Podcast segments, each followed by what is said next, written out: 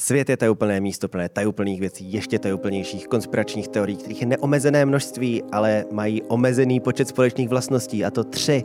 Nic se neděje náhodou, zdání klame a všechno souvisí se vším. A abyste se v tom vyznali, jsme tady my, Honza Palička a Marek Korejs, který měl šanci představit se v minulé epizodě, takže teď už ji nemá. Ach jo.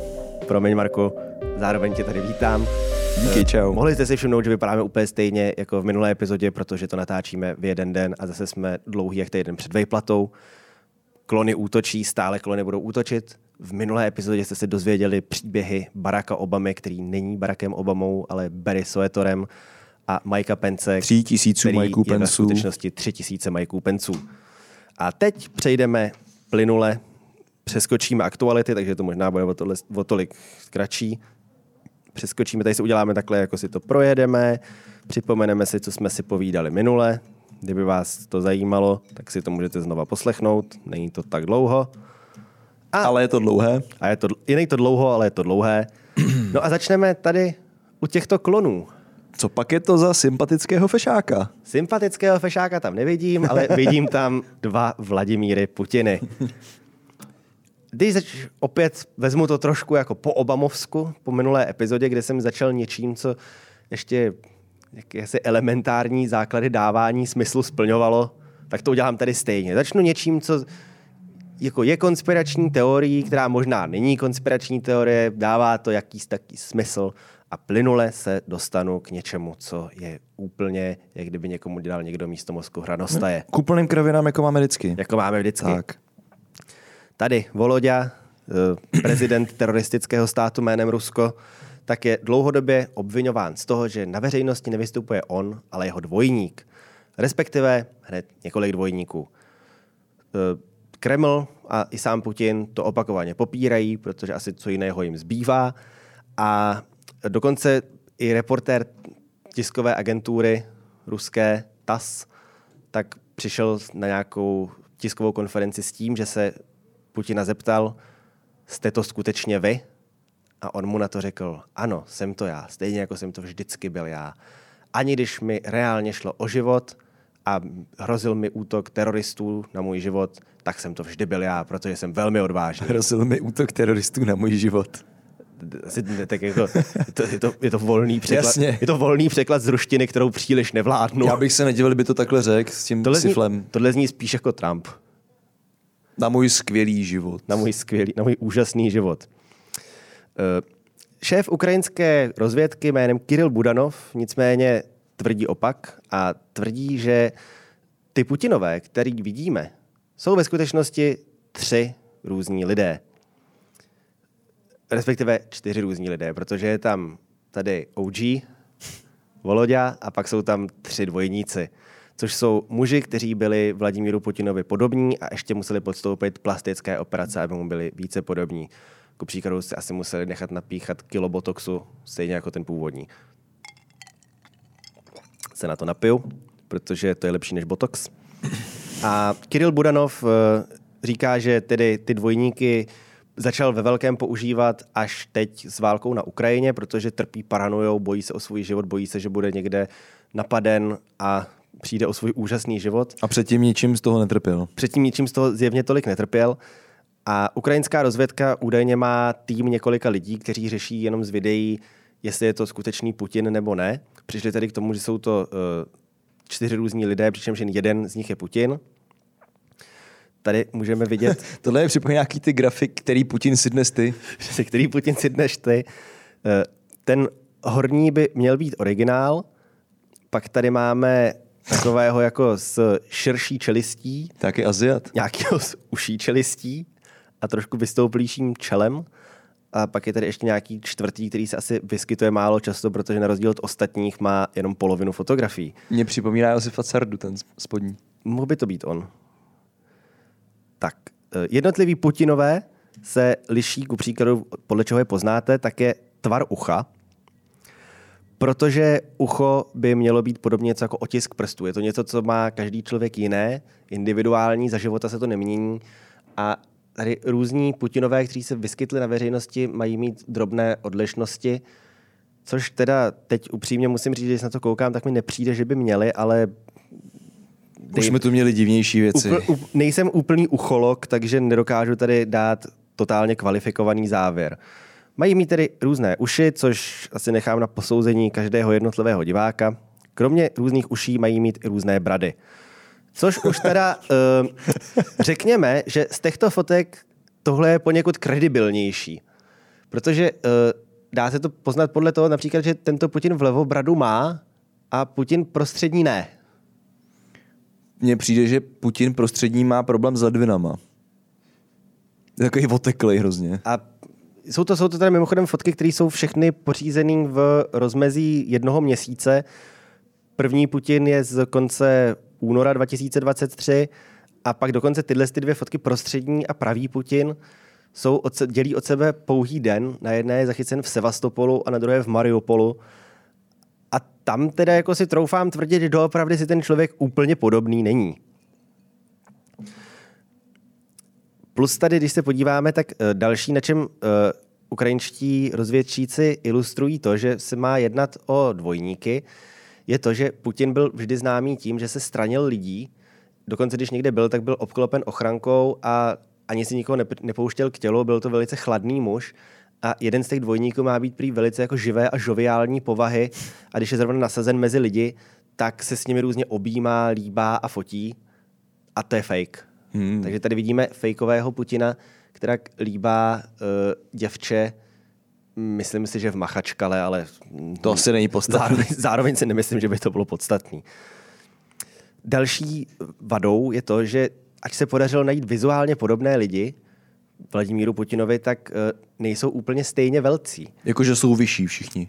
Ku podivu ne, to bych si taky říkal, protože eh, Putin je ve skrze poměrně jako člověk malého vzrůstu, myslím si, že má 1,68 m, ale jeden z jeho dvojníků je ještě menší, tohle k tomu se vrátím, a když tady otevíral nějakou školu, tak je vidět, že eh, oblek je mu zhruba tak o číslo větší, stejně jako kalhoty, a má boty na poměrně výrazné platformě, což normálně Putin Navzdory tomu, že podle mě trpí nějakýma jako komplexama, tak takhle jako viditelně to nemá. Myslím, že, on Ale- má, že on má spíš takový ty boty, které mají tu výstelku vevnitř. Že to jako, zvenčí to vypadá jako normální bota, ale máš tam jako, že máš prostě přizvedlou patu, jako, že to vypadá, jako, že vlastně ty jsi formálně na podpadku, ale Viděl ten podpatek jsem- je součástí boty. Tady úplně nesouhlasím, protože jsem viděl spoustu videí na YouTube, kde má to i to. A, A tak to se viděl toho dvojníka, že jo? No to je to byl- to byl malý Putin. Ale to bylo už před x lety třeba, jo, tak když se setkával tam- s Merklovou nebo tak. Třeba je to ten původní malý Putin. A tam je komický, že on prostě jde po té runway nebo mm, kde, kde vystupuje z letadla a teďka ta nohavice evidentně jako lidská noha se nějak ohýbá, že jo, ten kotník je na určitém místě a najednou ten ohyb není tam, kde bys ho čekal ve spodu, ale je skoro v půlce té holeně. Že opravdu ten, ta platforma nebo to, co má Hmm. uvnitř té boty, ten mechanismus je fakt vysoký.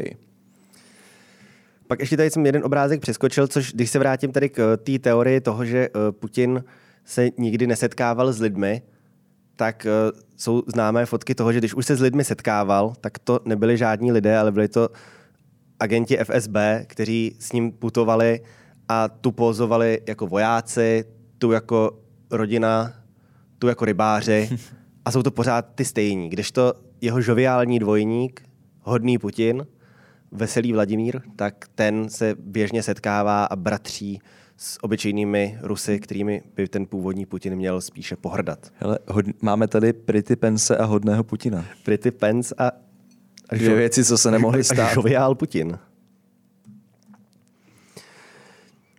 To by byla jedna teorie, která...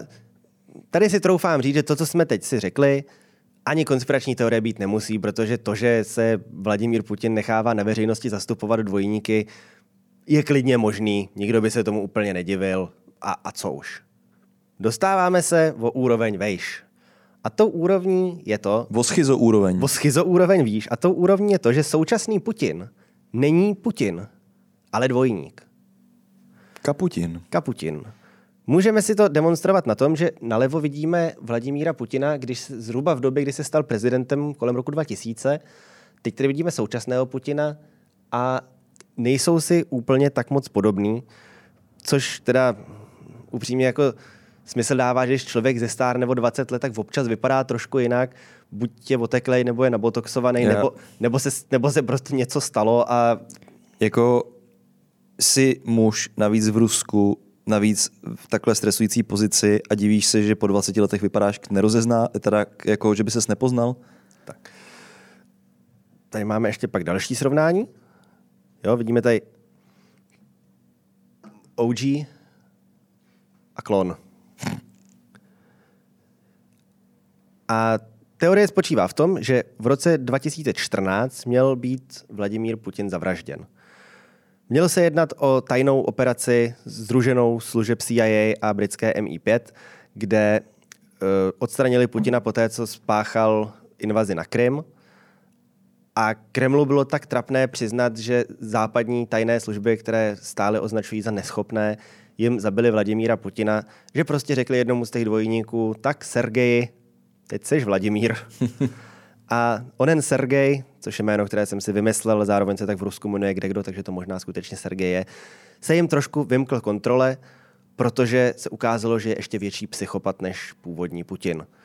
Což dává drobný smysl v tom, že když si vezmete jako působení Vladimíra Putina mezi lety třeba 2000 a 2005, tak eh, bylo opoznání smysluplnější, mírnější, netroufám si úplně říct liberálnější, ale prostě jako nebyla to zdaleka taková magorárna a byl to člověk, který se aspoň trošku jako otvíral tím, že se bude s tím západem aspoň jako bavit a nebude jako vraždit každého na potkání, protože to byl ten původní, ale ten bohužel, o něj jsme bohužel přišli. Taková škoda. No, škoda. Tak řekl si bohužel. Bohužel, no, tak byl lepší prej. Důkazem by mělo být taky to, že Eh, zhruba touto dobou se Vladimír Putin rozvedl se svou manželkou Ljudmilou, což teda tu tady nemáme, máme tam Angelu Merklovou, což vysvětlím, ale rozvedl se s manželkou Ljudmilou, která úplně zmizela z veřejnosti. A bylo to prostě proto, že Ludmila Putinová odmítala dál vystupovat jako manželka dvojníka svého zavražděného muže, takže požádala ona o rozvod, bylo jí vyhověno, šla si, nevím, do ochrany svědků nebo kam chodí tyhle lidi v Rusku, možná do Gulagu. Do Gulagu. Spíš. A ona jediná tedy zná pravdu a dvojník, na rozdíl od Vladimíra Putina, který byl věrným manželem a otcem dvou dcer, tak se utrhl z řetězu, kromě toho teda jako, že začal válčit a napadat cizí státy, tak začal také plodit děti s milenkami, což předtím ten původní nedělal. Ještě dovol mi jednu poznámku. Já mám takový dojem, že ta Ludmila Putinová nikdy nebyla vidět. No, byla na hrozně málo fotkách. No. Ale třeba pokud jste žili v 80. letech v Jevanech, kde mám trvalé bydliště, tak jste mohli vidět Ljudmilu Putinovou. Byla tam jako na výstavě? nebo? V zásadě něco takového. Protože v Jevanech je takový objekt, byl to původně hotel, pak to zabralo něco, co se jmenovalo Mezinárodní vydavatelství otázky míru a socialismu, což v zásadě bylo jenom jako krycí organizace pro ruský špiony, který tak jako uh, představovali... Řešili otázky míru a socialismu. Měli řešit otázky míru a socialismu, představovali se jako zahraniční korespondenti a v zásadě to byla jenom nějaká špionská síť. No a jednou z těch, kteří tam byli, byla paní Ludmila Putinová, která tam byla s dcerami a jednou za čas jsme tam mohli vidět dokonce i jejího manžela Vladimíra, který přijel ze své KGB domoviny v Drážďanech. Tak. Takže česká stopa Vladimíra Putina, kterému se tam podle mě mimořádně líbilo, protože doteď tam má vilu. Teda teď si myslím, že mu ji stát nějak zabavuje, ale je tam v Jevanech taková jako omšalá socialistická vila, která nebyla ani v majetku Ruské federace, ale byla vyloženě v majetku kanceláře prezidenta. To je sranda.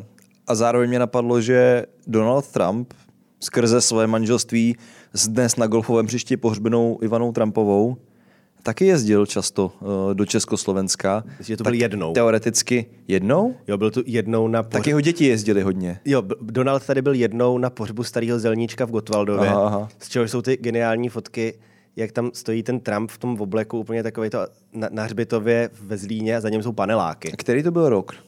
Nevíš? 80 něco. Tak teoreticky se mohli v jeden čas nacházet oba na, na území Československa teori- no, to je vlastně pravda. Jako mohli jsme mít na území Československa jako v jeden den Putina a Trumpa. a Trumpa, což je taky zajímavá konspirační teorie, která se možná naplnila. Ale pokud ne, tak se minuli o pár, o pár let. Nevím dál. Nevím dál. Vraťme se k nahrazenému tady uh, Vladimírovi. Dalším z důkazů totiž je to, že bohužel dvojník, ač mu byl podobný, tak jednou věcí nevládl A tou věcí je Němčina. Protože, což jsem teda zmínil v jevanské historce, Vladimír Putin eh, v 80. letech sloužil jako důstojník KGB v německých Drážďanech a díky tomu by měl umět perfektně německy.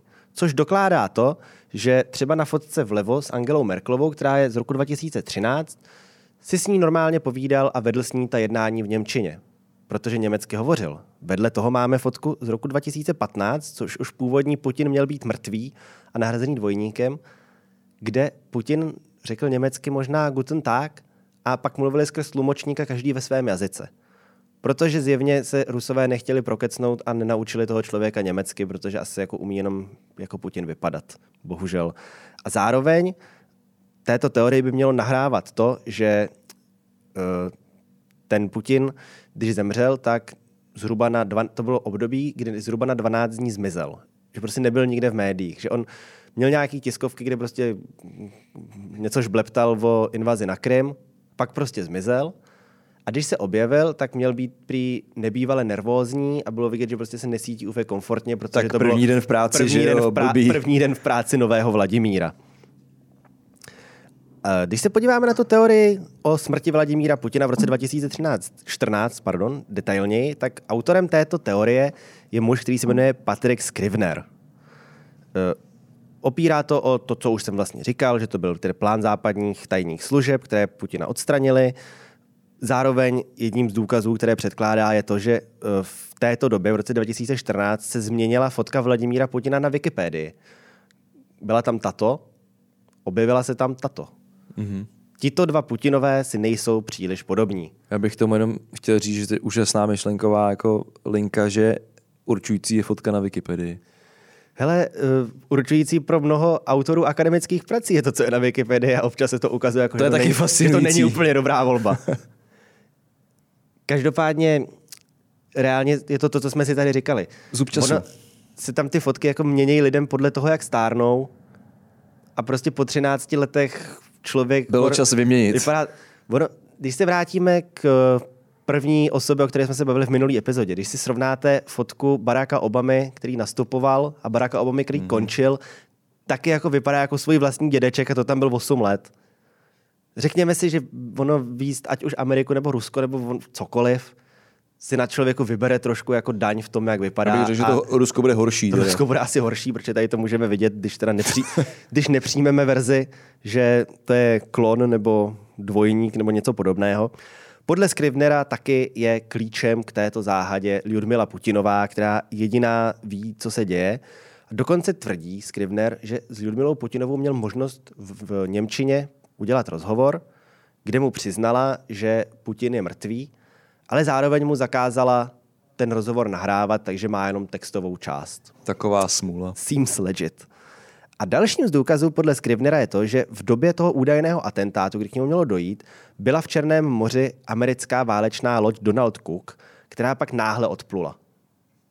Hmm. Co Dovezla tomu- jim toho fake Putina? Co k tomu říct? Možná jim dovezla fejkového Putina. Jo, tohle to mám až potom, to jsem se překlik. A teď si možná říkáte, hele, je to uhozený, ale Ne, není, vůbec. není to zas až tak úplně debilní.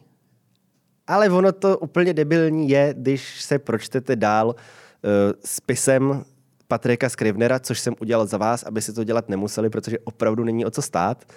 Tento dobrý muž eh, totiž kromě tedy teorie o tom, že Vladimír Putin byl nahrazen svým dvojníkem poté, co byl zavražděn západními spravodajskými službami, přišel například i s tím, že Angela Merkelová je ve skutečnosti dcerou Adolfa Hitlera. Adolf Hitler byl zároveň bratrancem Winstona Churchilla. Spojené státy americké jsou ve skutečnosti kolonií Izraele, který všechno, co se tam děje, řídí. A Pentagon nepodléhá ničí kontrole, protože Pentagon je samostatný stát, který je postaven na báze a modelu Vatikánu. Já jsem se v tom ztratil, takže Winston Churchill a Angela Merkelová jsou bráchové. A oba a jsou Mike Pence. Putin, Putin je s Mikem Pencem, nevím, chodili spolu do kroužku někam. Přesně tak. Takže, eh, jak jsme si jako tady demonstrovali, začalo to něco jako slibně, což je trošku Začalo to eufem... slibně dopadlo to jako Je vždycky. to možná eufemismus, ale dopadlo to jako vždycky tím, že autor této teorie je viditelně úplný magor. Podobně jako Vladimír Putin. Hmm. Nicméně, podobně jako v případě Baracka Obamy, vyvstává otázka, kdo vůbec je Vladimír Putin. Magor. Magor. A je to Magor, který se podle oficiální verze narodil 7. října v Petrohradu, nebo tehdy to možná byl ještě Leningrad, nevím, kdy úplně došlo k přejmenování tady této ruské metropole. Měl se narodit těmto dvěma lidem, kde máme tady jeho matku Marii Ivanovnu a otce Vladimíra Spiridonoviče Putinovi. Přičemž takovou zajímavostí je, že Putinův dědeček, otec tady Vladimíra Spiridonoviče, Spiridon Putin, měl být osobním kuchařem jak Lenina, tak Stalina. Bohužel jim nevařil takové speciality, jako třeba kuře na jedu, takže Kuře na ciankály. mohl, mohl trošku zvrátit chod dějin, podobně jako Mike Pence, ale neudělal tak. Ale já se obávám, že v Rusku hm, jakoby vždycky přijde další Magor. Eh, Bohužel tam se člověk nevybere. No. Tam vlastně jako takhle v Rusku za uplynulých 100 let jako nejpozitivnější bylo, když tam byl ožralý dědek. který uměl zábavně tančit a smál se u toho svým rudým alkoholickým nosem. No, To bylo docela v pohodě. to, to, to, to, to, tam je, to tam je jako výběr z hroznu. Jo? Když, jsi, když jsi prostě senilní alkáč, tak je to vlastně dobrý. Ale zpátky k kořenům Vladimíra Vladimíroviče Putina. Jeho rodiče měli být uh, velmi prostí, dělní lidé, kteří měli tu smůlu, že dva synové jim předtím pomřeli. Jeden zemřel na nějakou nemoc ve věku dvou let a druhý, protože matka Vladimíra Putina byla v Leningradě během jeho obléhání, takže ten bratr zemřel jako novorozenec, zemřel hlady. Dokonce měla i ta matka být téměř jako na pokraji smrti vyhladověním, ale ta, to okupování skončilo v podstatě jako pár dní předtím, než by taky zemřela, takže téměř zázračně přežila. I Putinův otec měl z války přijít jako, jako mrzák, který měl jednu nohu prý úplně tak zdeformovanou, že vlastně jako skoro nemohl chodit, měl celoživotní bolesti, nebyli na tom úplně nejlíp. A teorie pracují s tím, že protože uh, otec měl být invalida a matka měla být uh, v důsledku toho, že málem se nedožila konce války, měla jí to způsobit neplodnost. Zároveň oběma v roce narození Vladimíra Putina bylo přes 40 let, což nebyl v tehdejším Sovětském svazu úplně standard. Naopak bych si troufl říct, že v tomto věku v Sovětském svazu mnoha lidí už bylo prarodiči, A nebo už se blížili délce dožití. nebo se blížili délce dožití. Čímž pádem uh, ani Vladimír nemůže být jejich dítětem. A tohoto chlapce měli adoptovat. Z Keni. Možná z Keni, ale spíš z Gruzie. Protože v Gruzii se našla tato žena, která se shodou okolností jmenuje Věra Putinová a paní Věra přišla s tím, že když proběhly prezidentské volby v roce 1999 a viděla nového prezidenta Vladimíra Vladimiroviče Putina, tak si řekla, ten je můj. Protože příběh této ještě prostší ženy z ještě prostší Gruzie nebyl úplně veselý. Eh, Měl se jí narodit malý Vladimír, dokonce o dva roky dříve, než se oficiálně uvádí. A měl se jí narodit s jistým mechanikem, který se jmenoval Platon Privalov. Platon. Platon. Jeden je Spiridon a druhý je Platon. Vladi, Vla, Vladi, Vladimír Putin, syn Platónův. Řecký vlivy. řecké vlivy, řecké vlivy v Gruzii.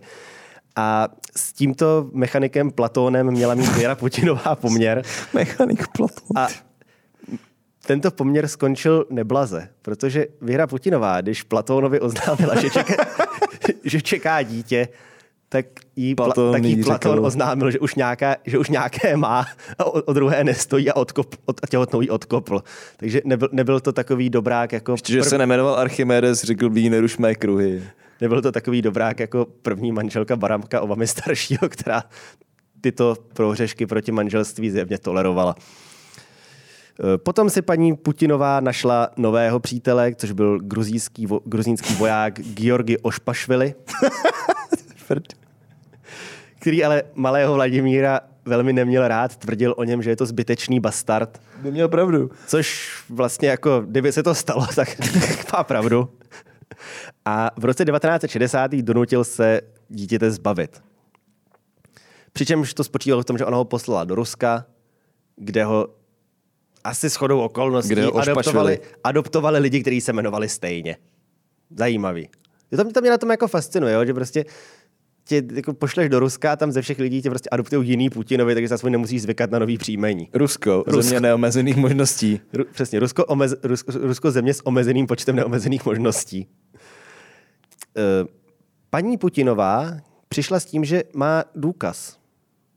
Je to tato fotka, na níž zakuklené dítě má být Vladimírem Putinem. Jemu, řekl bych, o něco méně podobné než jeho dvojníci, ale možný je všechno. A dalším důkazem je to, že na základní škole v městečku, kde paní Putinová žila, tak měl být zapsaný jistý Vladimír Putin gruzínské národnosti v letech 58 až 59. Mm-hmm. Což asi si řekněme, že krom toho, teda, že ten zápis nikdo nikdy neviděl, tak když už se ti podaří jako poslat parchanta 6000 kilometrů někam do hajzlu, kde ho adoptují lidi, co se stejně jmenují, tak je dost možný, že v té vesnici bylo těch Putinů víc, když už tam, jako je, tady, když už je tam tady věra. Jediný, co tam sedí, tak je čas, protože on je nějaký ročník 52, 51, něco takového. Je 52, ale tady Věrka tvrdí, že je 50. Jo, ona to měla o dva roky napřed. Ona, to měla, ona, ona předběhla dobu. Dokonce tvrdí, že i učitelka z této školy si malého Vladimíra pamatuje jako malého, ale velmi soutěživého chlapce. A dokonce za tou učitelkou pak měla přijít KGB, která jí řekla, že když jako prozradí, že tam tento chlapec studoval, takže ji zavraždí. Já myslím, že půjde do Krymu. Je blbej vtip, co? Do, do Krymu pak, Nevím dál. Do, do, Krymu, do Krymu pak, do Krymu pak, Vladimír na Krym, do Krymu pak šel Vladimír a stálo ho to život ze strany CIA. Další tady, řekněme, z důkazu, který se týkají tohoto případu, je to, že údajně se uh, tím měli zabývat dva novináři tímto případem, přičemž oba za záhadných důvodů zemřeli. To je v Rusku docela obvyklý. Jeden z nich byl Rus, který se jmenoval Artyom Borovik, který zemřel při nehodě letadla. Vypadl z okna? Nevypadlo z okna, vypadlo letadlo s ním okna. z nebe. vypadlo, vypadlo z okna. letadlo, letadlo vypadlo z nebe. Eh, byl to člověk, který měl s Putinem problémy, nebyl úplně jeho příznivcem, chtěl o něm něco odhalit, ale spíš se to jako teda týkalo napojení na oligarchy, mm-hmm. proto zemřel. A pak se tím měl ještě zabývat italský novinář, který se jmenoval Antonio Russo a ten byl zavražděn. Russo? Protože, jak jinak by se měl jmenovat podle tebe? Ještě možná Běloruso. Ale... Běloruso.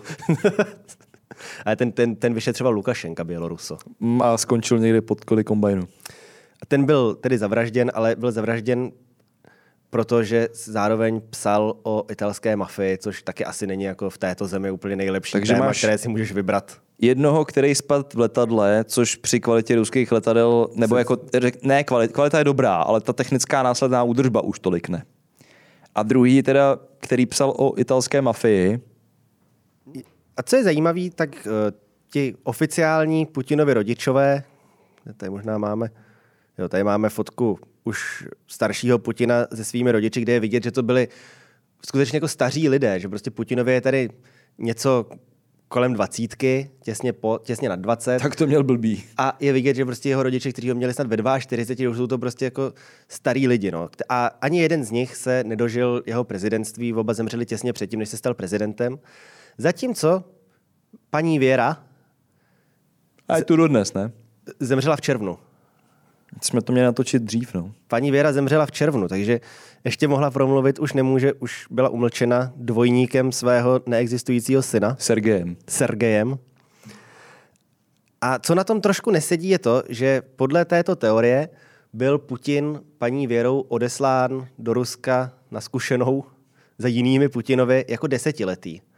Nicméně není jich moc, ale existují fotky jako třeba tato, kdy je Vladimír Putin s, tady s Marí Ivanovnou Putinovou, což byla jeho oficiální matka, viditelně mladší než desetiletý, je mu tady na té fotce tak pět. A přiznejme si i to, že tento chlapeček, na rozdíl od eh, zakukleného chlapce, kterého prezentovala Věra Putinová z Gruzie, i trošku připomíná Vladimíra Putina. O něco víc. Já vidím prostě malý ruský dítě tam prostě tak je tam, je tam nějaký rusá... Jako může to být Rus, je tam, Putin, jasně. Je tam rusáček prostě, no, tak, tak stačí.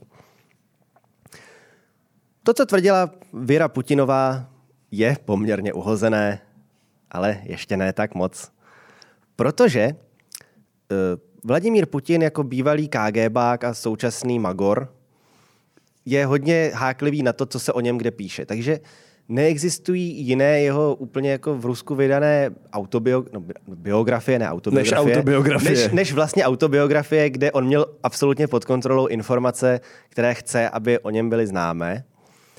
Ale i v těch oficiálních biografiích jsou jisté nesrovnalosti. Krom toho, že eh, on sám vždycky říkal, že jeho rodiče byli chudí, bezvýznamní lidé a on se prostě vypracoval, tak třeba vzpomíná na to, že otec mu dal do první třídy jako dárek náramkové hodinky, což tehdy v Rusku byla vzácnost, kterou měli opravdu jenom bohatí a chudí lidé si to nemohli dovolit. Zároveň vypráví Putin o tom, že dětství strávil v Petrohradském bytě, který museli sdílet ještě s další nějakou židovskou rodinou a byli opravdu chudí. Ale zároveň popisuje, jak z rodiči jezdil na chatu, což taky asi jako úplně li, lidi tady z nějaký komunálky jako neměli běžně, jak se doma díval na televizi. Tak, ta televize mě teda šokuje víc. A jak doma měli telefon. Ku příkladu... Ještě řekni, že měli splachovací záchod. Ku příkladu, já, když jsem byl dítě, tak my jsme až v roce 93, když mi byly 4 roky, k nám byla zavedená pevná linka. A to byl normální byt na Vinohradech. A když tak chodili jsme volat k sousedům, než se nám jako dostal telefon. A Putin v Zemljance, v Petrohradu, v poválce měl telefon. A byl chudej. Hm? Takže Něco on tam nezavolat mohl, ale ty mu ne? Další věc je, že když se Putin dostal na Petrohradskou univerzitu, tak byl jediným studentem, který měl vlastní osobní automobil. Kterých byl takový nedostatek, že čekací doba na ně byla asi pět let, než se rozjela jako masovější výroba. Ale tohle to teda uh, má objektivní vysvětlení, který spočívá v tom, že jeho rodiče vyhráli osobní automobil údajně v loterii a dali mu ho. Pěkný. M- měli ho rádi, což jako uh, je smutný, že oni ho měli rádi a on si zjevně z té lásky moc neodnesl. Někde tam prostě došlo k selhání. Asi mu chyběla paní Věra. To se tak stává. A teď se dostáváme k tomu, jak se vůbec dostala tu univerzitu, protože na střední škole to vůbec neměl být žádný excelentní student, Naopak měl to být taky jako průměrný trojkař, který na to spíš jako kašlal a bavilo ho spíš s klukama se někde rvát a tak jako proplouval životem. A pak byl přijat na univerzitu, kde na jedno místo se hlásilo 400 uchazečů, byla tam brána jenom elita. Ještě na obor práva, což bylo fakt jako, tam se pouštěli ty nejlepší. Takže se má se za to, že byl už na střední škole vytipován KGB jako dokonalý chladnokrevný psychopat a KGB se ho groomovala a dávala mu všechny tyhle ty dárky. Třeba jako sfejkovali, že rodiče vyhráli v loterii, tak chlapče, tady máš auto, hlavně nás poslouchej. Občas nám řekni, když tady nějaký ze spolužáků řekne, že komunismus není úplně tak fajn. Takže to měl být člověk, měl to být člověk KGB, a od počátku se mělo jednat o projekt KGB, kteří ho tam protlačili a udělali z něj vůdce Ruska. A proč udělali vůdce Ruska právě z Vladimíra Putina? Troufáš si odhadnout? Protože se charakterově nevymyká svým předchůdcům? To taky, ale hlavně proto, že to není Vladimír Putin. Je to Berisové Není to ani Berisové není to ani syn těchto dvou Počkej. dobrých, prostých lidí. Je to Věra Putinová. Není to ani Věra Putinová. Tak už jsem koncích. jo, jo. Je to ras Putin. Ras skutečně je, ale konspirační teorie počítají s tím, že a teď to má dvě větve, které jsou debilní a debilnější. Podle větve debilní má být potomkem Grigorie Rasputina, známého excentrického mnicha, šílence a osobního přítele posledního cara Mikuláše II., který byl zavražděn. A jeho ženy. A jeho, hlavně, jeho, hlavně ženy, jeho ženy. Hlavně jeho ženy, což je možná jeden z důvodů, proč Grigory Rasputin byl zavražděn, což se ukázalo obtížnějším, než by se mohlo zdát. No oni ho naháněli, zmlátili, pobodali, postřelili, hodili svázeli, do řeky. hodili do ledové řeky, někdy v lednu nebo kde to bylo. A nic. A on se stejně rozvázal a vylez na břeh a až tam teda zhebnul na podchlazení nebo jo, něco. Každopádně eh, podle této konspirační teorie Grigory Rasputin ve skutečnosti nezemřel, byl nějakými mocipány, kteří tušili pád uh, carského Ruska Typu a nástup komunismu, Pence. nejspíš nějakými Mikey Penci tehdejší doby, byl ukryt, měl nejprve syna, a ten syn pak měl vnuka. A tam teprve KGB vycítila, že už je ten správný čas instalovat tady tohoto Rasputinova potomka jako legitimního vládce Ruska. není, za, druhá teorie, ta retardovanější, spočívá v tom, že to není žádný vnuk Grigory Rasputina, protože je to sám Rasputin, respektive reinkarnace. Grigory Rasputin totiž čekal zhruba 60 let na to, aby se mohla jeho duše vtělit do těla tohoto malého chlapce, kterého jsme viděli na předchozím snímku, do malého Vladimíra. A teď teda si vybíjí všechnu tu frustraci, že uh, ruský národ ho zavraždil a on se mu teď bude mstít tím, že bude despotickým vládcem. Zároveň bych tady chtěl upozornit na skutečnost, že Grigory Rasputin byl známý tím, že měl dva metry.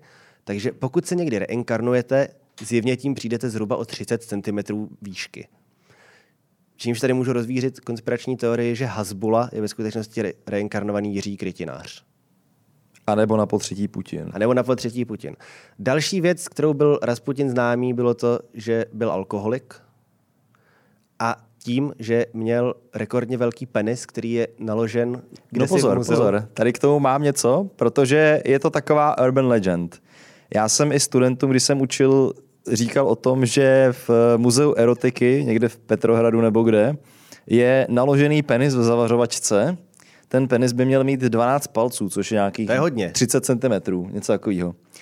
A podle legendy je to v podstatě Rasputinův penis, který tedy zachovali pro budoucí generace. Tak Tak když- Nevím proč, ale Když, dobře. tak jako zavraždilo, ty jsi řekl, no, co bychom si tak z něj mohli nechat? Tak, jsme rusové. Tak jsme rusové. No, dobře. Tak si nechali penis. No a penis nejdříve skončil z nějakých důvodů prý v Paříži, kde byl tedy Tam Tam se- uchováván v ledu. Tam se hodí. A nakonec ho objevila Rasputinova dcera Marie. A V 70. letech ho měla prodat a nakonec ho v roce 2000 měl koupit jakýsi doktor Kňaskin za 8 tisíc dolarů. Mhm. A následně měl tedy ten peni- penis být přemístěn eh, do toho muzea v Rusku. Ale má to jednu takovou díru, vadu na kráse, řekněme, protože skutečný Rasputinův penis v sobě měl mít díru. Ten. Eh, jak Rasputina zmanglovali, že jo, pobodali, postříleli a zmlátili, tak jeho tělo prej mělo být v tak špatném stavu, že to rozhodně nemohl být ten samý penis. A předpokládá se, že to, co je v té sklenici, pravděpodobně ani není lidského původu, nýbrž má to být z vola nebo z nějakého podobného zvířete. Já bych to uzavřel tím, že jediné, co mi na této teorii sedí, že Putin by skutečně mohl být Rasputin známý svým velkým penisem, protože Vladimír Putin je rovněž velký kokot. Mhm. Ale při chůzi dopředu by se převažoval. Tak. Tak, Rasputin- konec dobrý, všechno Konec dobré. dobrý, všechno dobré, ale my ještě nekončíme, protože Grigory Rasputin totiž není jediným možným předkem Vladimíra Vladimíroviče Putina. Další z teorií počítá s tím, že Vladimír Putin by měl být vnukem careviče Alexeje, což bylo takové to Ten neduživej malej. churavé dítě, korunní princ, nebo korunní car, nebo já nevím, jak se to tam říkalo, carevič se tomu říkalo Carevič. Což měl být ten následník trůnu po Mikulášovi II. Byl to chlapec, který trpěl nějakou závažnou formou chudokrevnosti. A údajně tedy taky to mělo být součástí moci pánského komplotu, že zatímco všichni Romanovci byli vyvražděni, tak jeden z těch eh, rudoarmějců, co je vraždili, tak byl ve skutečnosti diverzant, který chtěl obnovit carskou tradici a místo chlap, chlapce teda zachránil, místo něj tam dal nějaký jiný dítě, který rozstřílel, takže nebylo poznat, kdo to ve skutečnosti je. Opět to mělo být podobně jako s tím Rasputinem, že byl někde teda v tajnosti držen, měl syna a ten syn měl syna, kterým je Vladimír Vladimírovič Putin. Mm-hmm. Něco mi říká, že ten, ten carevič Alexej byl zhruba v takovém stavu, že i kdyby ho zachránili, tak pak jako třeba jako do roka umře, protože někde upadne a vykrvácí. A i kdyby ne, tak jakákoliv možnost atentátu na člověka se špatnou tou hemofilí je samozřejmě jednoduchá, protože on Do něj krvácí. strčíš. No, zafouká vítr. A další, a to je nejbizarnější, původ Vladimíra Vladimíroviče Putina je ten, že se jedná o vnuka Jacka Rozparovače. Sedělo by to na, násilnou, na násilnické sklony. Ale řekněme si, jak se k tomu došlo. Už jsem tady zmiňoval, že rodiče Vladimíra Putina před ním měli ještě dva syny, kteří zemřeli jako děti. Tyto synové se jmenovali Albert a Viktor. Kdo se jmenoval Albert Viktor? Jmenoval se tak vnuk královny Viktorie, syn krále britského Edvarda VII. Který byl jedním z možných podezřelých na to, že ve skutečnosti právě tento následník trůnu je Jackem rozpadovačem. A proto, že se hrozilo odhalení, tak se fingovalo to, že v nějakých 20, nevím kolika, prostě v relativně mladém věku se řeklo, že zemřel, že zemřel na zápal plic. Mm-hmm. Na, na, na, oproti běžným standardům té doby měl pohřeb v zavřené rakvi, takže se spekuluje, že tam vůbec nebyl. A místo toho byl poslán do Ruska ke zpřátelenému romanovskému rodu, protože uh, Jiří VI, ne Jiří V, jo, Jiří V. Byli bratranci. A Mikuláš II. byli bratranci, takže ty rodiny byly a měli společnou, měli společnou babičku, kterou byla královna Viktorie, takže to byli zároveň bratranci i... Eh, Sestřenice. Zároveň to byli bratranci Alberta Viktora. No a Albert Viktor měl tedy jako dožívat tady v Rusku, v, užívat si všech výhod, které tato země přináší. Není jich mnoho. Počkej, jmenuj nějakou výhodu. Je tam zima? Je tam zima. V Obu a Irtyši žije jeseter. A v Norilsku těží nějaký toxický kovy. A, ano. A pak je tam ještě jezero Karačaj, který je nejtoxičtějším jezerem všech dob. Skvělý. Super. Tam bych chtěl žít každý. No, takže tím pádem se dostáváme k tomu závěru, že mladý Jack Rozparovač je Vladimír Putin. A našel jsem všechny tyhle ty teorie a už žádný jsem nenašel úplně jako vysvětlení, jako kdo by to měl udělat a vždycky se to točilo kolem takového toho, jako ob, kolem obvyklých podezřelých židé, ilumináti, židumináti, židumináti ještírci, Mike satanisté, Pence. Mike Pence. Takže závěr si udělejte sami. A ještě než si uděláte tento závěr sami, tak uh, si můžeme říct, že v podstatě, v podstatě máš pravdu, protože můžeme asi s klidným svědomím prohlásit, že Vladimír Putin je dost možná i Mike Pence, protože Vladimír Putin je cestovatel v čase, což dokládá tento triptych, kde vidíme Vladimíra Putina v roce 1920 jako rudoarmějce, v roce 1941 jako opět rudoarmějce. Jako opět rudoarmějce a v roce 2015 jako opět rudoarmějce. Top Gun rudoarmějce. Jako Top Gun rudoarmějce. Tohle by byl Tom Cruise, kdyby byl soudruh a natáčelo se to v Sovětském svazu. Tak. Tak. A myslím si, že tímto můžeme poslat Vladimíra Putina do věčných lovišť, což by se nám docela líbilo i v reálném životě, ale bohužel od reálného života má tento podcast, jak je dobře známo, velmi daleko. Tak vždycky ho můžeme poslat aspoň do prdele. Tak ho pošlem do prdele. Vladimíre, jdi do prdele. Tak. A koho tady máme dál? Klikni a uvidíme. Já si taky nepamatuju. Jo, soudruzi ze Severní Koreje. Tak, teďka plynule teda od soudruha Putina k soudruhovi Kim Jong-unovi. Eh, Kim Jong-un by totiž měl být dalším z plejády despotických tyranů, kteří mají své dvojníky. Eh, jak asi víte, tak eh, od 50. let v Severní Koreji vládne dynastie Kimů. Jejímž zakladatelem byl Kim Il-sen, který si stejně jako mnozí jiní despotičtí tyrani nechal upravit zpětně historii protože on se narodil nějak úplně strašně obyčejně. Dokonce se narodil i v Rusku, ne? Možná v Rusku, ale ta historie, eh, kterou si nechal upravit, hovoří o tom, že se údajně narodil na vrcholu té hory snad Pektusan? Je, je to posvátná hora Pektusan. Ze kterého snad snesl kůň, něco takového? Jo, jo, jo že, že, že bílý kůň ho tam nějak snesl z hory Pektusan, na kterou ano. se rozsvítila dvojitá duha. Ano. A vedlo to k tady k tomu dementovi. Každopádně eh, Kim Irsen potom trpěl uh, strašlivým strachem, paranojou, že ho někdo zabije na cestách ven, což se projevovalo například tím, že necestoval ven. moc ven necestoval, což zdědil i jeho syn, kterého už si možná pamatujete, Kim Jong-il, který zemřel někdy před 11 eh, lety nějak tak. Přibližně to není podstatný. Chtěl jsem říct hlavně o něm to, že on eh, vlivem toho, že podědil tenhle strach, cestoval ven zásadně v obrněném vlaku, což mu taky dost kromě teda jeho diplomatických schopností mu i toto dost eh, zúžilo počet destinací, kam, mohl jezdit. Podívat. Jednou z těch destinací tedy bylo, Čína. byla Čína a druhou bylo Rusko. Teď nám sem eh, krásná asistentka Ingrid přinesla ledovou vodu, za co děkujeme, protože je tu asi 70 stupňů. Je to úplně hrozný, my tady fakt jako, my pro vás tady potíme krev. Doslova. A e, třetím tedy v dynastii je Kim Jong-un, který už vládne Severní Koreji zhruba těch deset let. Známý, Není to podstatné. Známý jako Kim Jong Vepř. Kim Jong Vepř, dobře. Spider Vepř. Spider Vepř.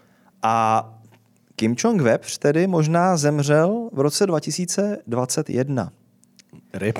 V roce 2021 totiž, když jste se podívali na fotky Kim Jong vepře před a po, tak jste zjistili, že schodil zhruba 20 kilo. To zbudilo několik spekulací. Jedna z nich byla tedy o tom, že zemřel a nahradil hubenější dvojník, protože každý v Severní Koreji je hubenější než Kim Jong vepř. A druhá o tom, jestli může vůbec dál využívat dvojníky. Protože se změnou tedy velikosti se mění rysy v obličeji. Jdou na běžící šatník. No jasně. hubnout. Museli vyhubnout. A samozřejmě, kdyby ty dvojníci toho OG Kim Jong-una uh, najednou museli zhubnout, museli by zhubnout s ním prostě. No. A to byl, myslíš, že dvojník Kim Jong-una je Kim Jong-dos? No jasně, a pak A je Kim Kim Jong Jong-tres? Tres.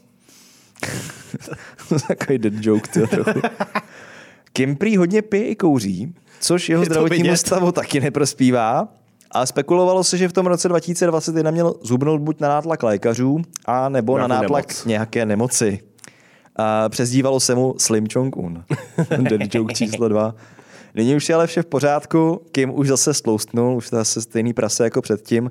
A podle jiné teorie měl Kim Jong-un zemřít už 28. července 2017, jen necelých 6 let po svém otci Kim Jong-ilovi. Od té doby prý zemi řídí e, sbor generálů a strkají před sebe Kimovi dvojníky. Což mimochodem není zas tak nepravděpodobný, že by v té zemi někdo vypadal jako eh, drahý vůdce. A v roce 2020 pak na světlo světa vyplavala videonahrávka, ze které tady právě máme ústřižek, který je kvalitní asi tak jako severokorejská ekonomika, Kde se Kim Jong-dos baví s Kim Jong-tres? kde Kim Jong-dos a Tres spolu stojí někde ve tmě, všude v Severní Koreji v noci tma, protože nemají elektřinu. Nemají elektřinu. Kromě toho památníku, že jo, čučche, který tam mají Jo, takové, uprostřed takové, tak, tak, tak kosa a kladivo, jak tam Jo, jo, mají. jo. A nad tím jsou portréty těch dvou Kim, mrtvých. Kim, Kim Jong mrtvý a Kim Jong mrtvý 2. Tak, takhle můžeme říkat. A kde je teda videonahrávka, kde se tady baví ve tmě teda Kim Jong Dos a Tres u nějaký raketové vojenské techniky, pravděpodobně Grad nebo něco takového. Ale pozor, není tam tedy sám, jak už jsem naznačil.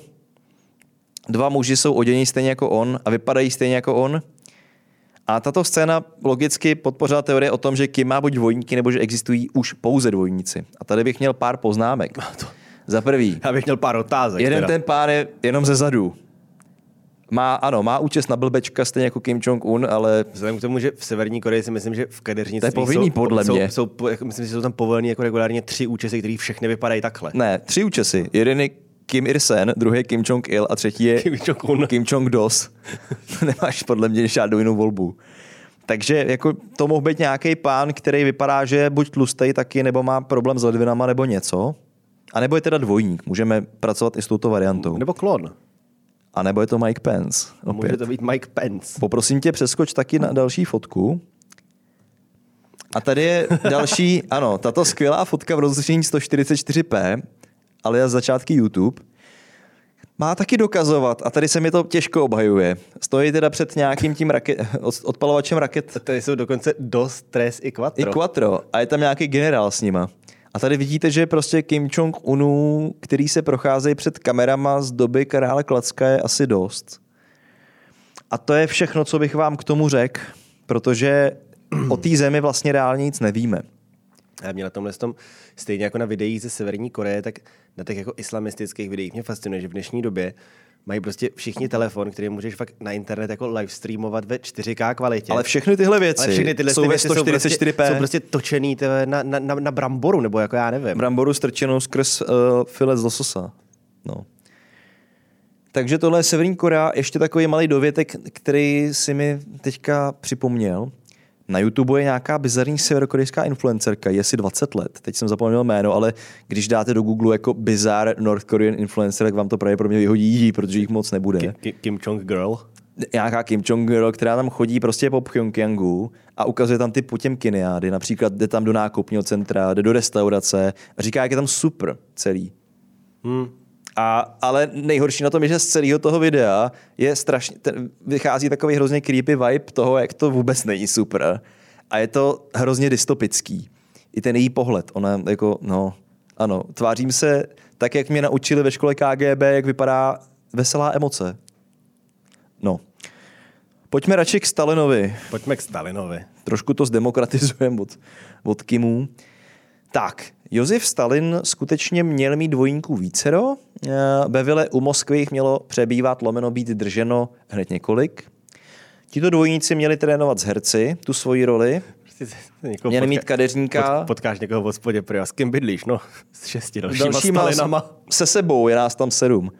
Uh, tohle reálně se dělo. On normálně unášel z ulic eh, různých těch méně významných východních republik nějaký mladý anebo i starší chlapy, kteří vypadali podobně jako on a následně měli být fakt někde takhle drženi a byla jim přidělena tato pracovní pozice, poměrně originální. Jo?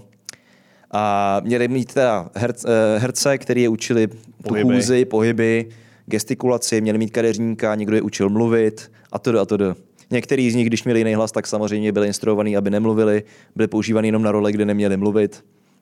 A v roce 2008 se na světlo světa dostal příběh Dagestánce, proto jsem říkal ty různé jiné republiky, Felixe Dadájeva, ne, ne, vrať mi tam prosím tě tu minulou. To není Felix Zadajev? Eh, To je Felix Dadájev, Dobře, ale dobře. tady je taky Felix Dadájev. Fascinující. Který z nich je Felix Dadájev, typni si.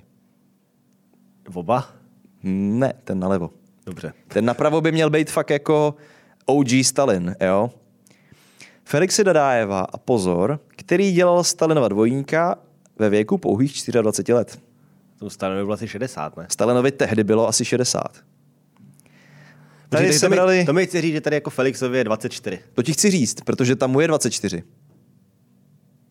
Možná 26, ať nežeru, možná to bylo o dva roky později, než ho sebrali z té ulice, já nevím. Jako podle mě, jako vážení přátelé, já mám pocit, že v republice Dagestán mají lidi problém se standardním stárnutím, protože tady máme Felixe Dadájeva, který ve 20 Uh-uh. vypadá, že je mu 60, a pak tady máme Hasbulu Magomedova, který ve 22 vypadá, že je mu 2. Co se tam půl. děje? Co se děje v Dagestánu? Co dávají do vody v Dagestánu? Každopádně Felix Dadájev je tady jednoznačně spíše pod uh, silným nánosem kitu. Uh, proto ta, uh, tento vzhled, který připomíná Stalina. Vidíte, že ta vlasová linie je trochu jiná, ty výrazy v obličeji je to trochu jiný, ale zkrátka tehdy to stačilo. Když on se šel někam projít, jeho úkolem se bylo třeba projít, zamávat, zase nasednout do limuzíny, do té čajky nebo zilky, nebo co to bylo a odjet.